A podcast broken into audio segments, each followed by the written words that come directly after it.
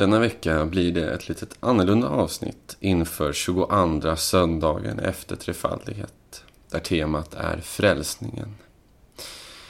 Det är jag, Martin Wallén, som är präst i Lomma församling, som kommer att samtala med texten endast och inte med en gäst. Så låt oss kasta oss in i eh, Första Moseboken, kapitel 45, verserna 4 till 8.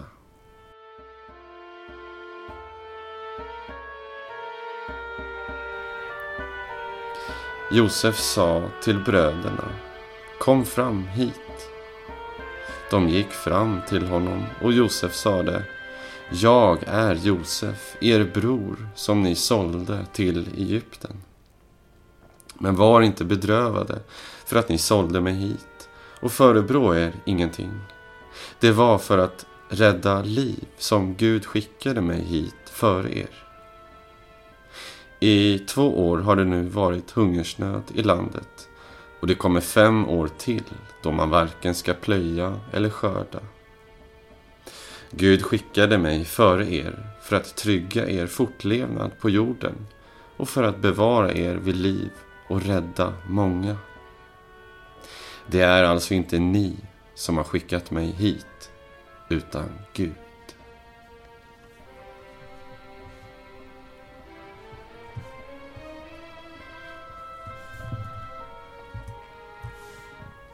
Berättelsen om Josef är spännande, otrolig och smärtsam.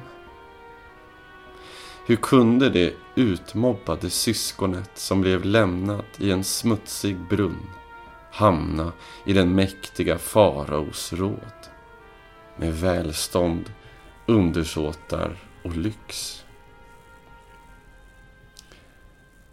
Vår bibeltext kommer in när Josef hållit undan sina känslor, prövat sina bröders tillit, plikttrogenhet och vänskap. De känner inte igen honom och han kan därför pröva dem. Syskonen står upp för den yngste Benjamin och det är på något sätt beviset för kärleken mellan bröderna som gör att Josef brister i gråt och kan inte längre hålla dem i prövningens tillstånd. Gud har fört dem samman. Hur var det att stå där öga mot öga med sina bröder? Hur lång tid tog det att reparera skadan?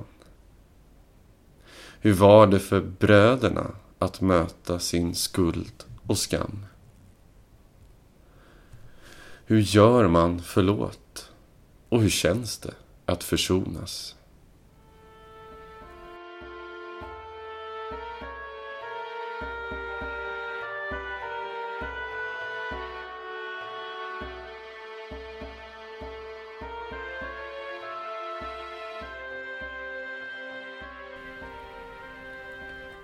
I veckans evangelietext möter vi en mystisk Jesus som är upprörd och talar om framtiden. I textavsnittet innan har Jesus precis skällt ut de skriftlärda och fariseerna. Bjälken och flisan är relevant i sammanhanget. Bland annat står det Ve er, ni hycklare som stänger till himmelriket för människorna. Ni går inte själva in och de som vill komma dit in släpper ni inte in. Ve er, skriftlärda och fariser. Ni hycklare som ger tionde av mynta och dill och kummin men försummar det viktigaste i lagen. Rättvisa, barmhärtighet, trohet. Det gäller att göra det ena utan att försumma det andra. Ni blinda ledare som silar mygg men sväljer kameler. Jesus lämnar templet upprörd, arg, väldigt uppgiven och frustrerad. Folk i de ledande positionerna som uttolkade skrifterna och lagen lever inte som de lär.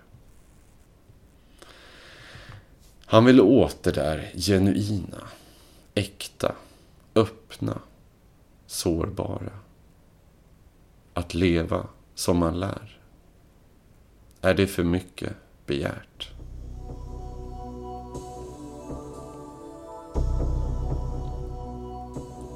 Hur var det att möta den vreda Jesus? Hur var det att möta skulden och skammen? Vågade man komma i kontakt med den? Eller gjorde man som man brukar? Slår sig ifrån den med sin välutbyggda försvarsmekanism. Det är någon annans fel.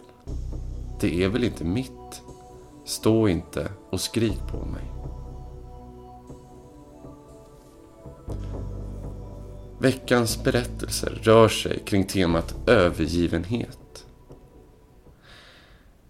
Konfirmandlitteraturen via Mystica tar upp detta i ett av kapitlerna som heter Kulpa. Kulpa står för oaktsamhet och skuld. Och kapitlet handlar om de där perioderna i livet som inte känns bra. Hur känns det att känna sig övergiven? Vad kan man göra för att känna lust och glädje igen? Det handlar om ondska. Vad är det? Var finns den? Och vad gör vi åt den? Och till sist om Kyriet, om att lämna över det som är jobbigt. Att vi som hela människor ska få plats där vi är. Oavsett om jag är glad eller ledsen. Och även att ta ansvar för det som är mitt att ta ansvar för. Att våga möta det och se det. Josef kände sig övergiven där i brunnen när hans bröder lämnat honom förrådd och övergiven även när han blev såld till Egypten. Jesus kände sig övergiven, ensam i det han trodde på, det han ville åstadkomma. Lyssnade någon verkligen? Ville någon ha en förändring? Eller var det bara han? Och sedan övergivenheten där på korset så pass att han skriker i sitt sista andetag. Min Gud, min Gud, varför har du övergivit mig?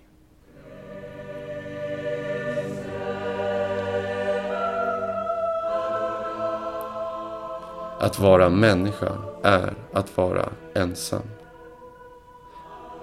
Att ensam möta sina känslor och tankar. Vad är mitt ansvar? Vad är min skuld? Att vara människa är också att känna sig tillhörig och buren. Var hör jag hemma? Var känner jag lust, glädje och kärlek?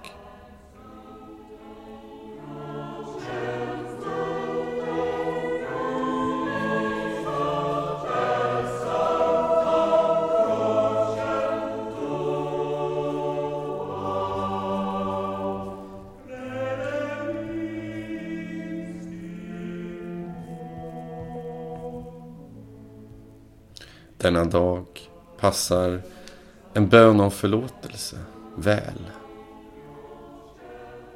Jesus Kristus, jag kommer till dig i längtan efter upprättelse. Jag har brustit i kärlek till dig, till skapelsen, till mina medmänniskor och mig själv. Förlåt mig. Möt mig enligt ditt löfte att ta emot alla som söker dig. Amen.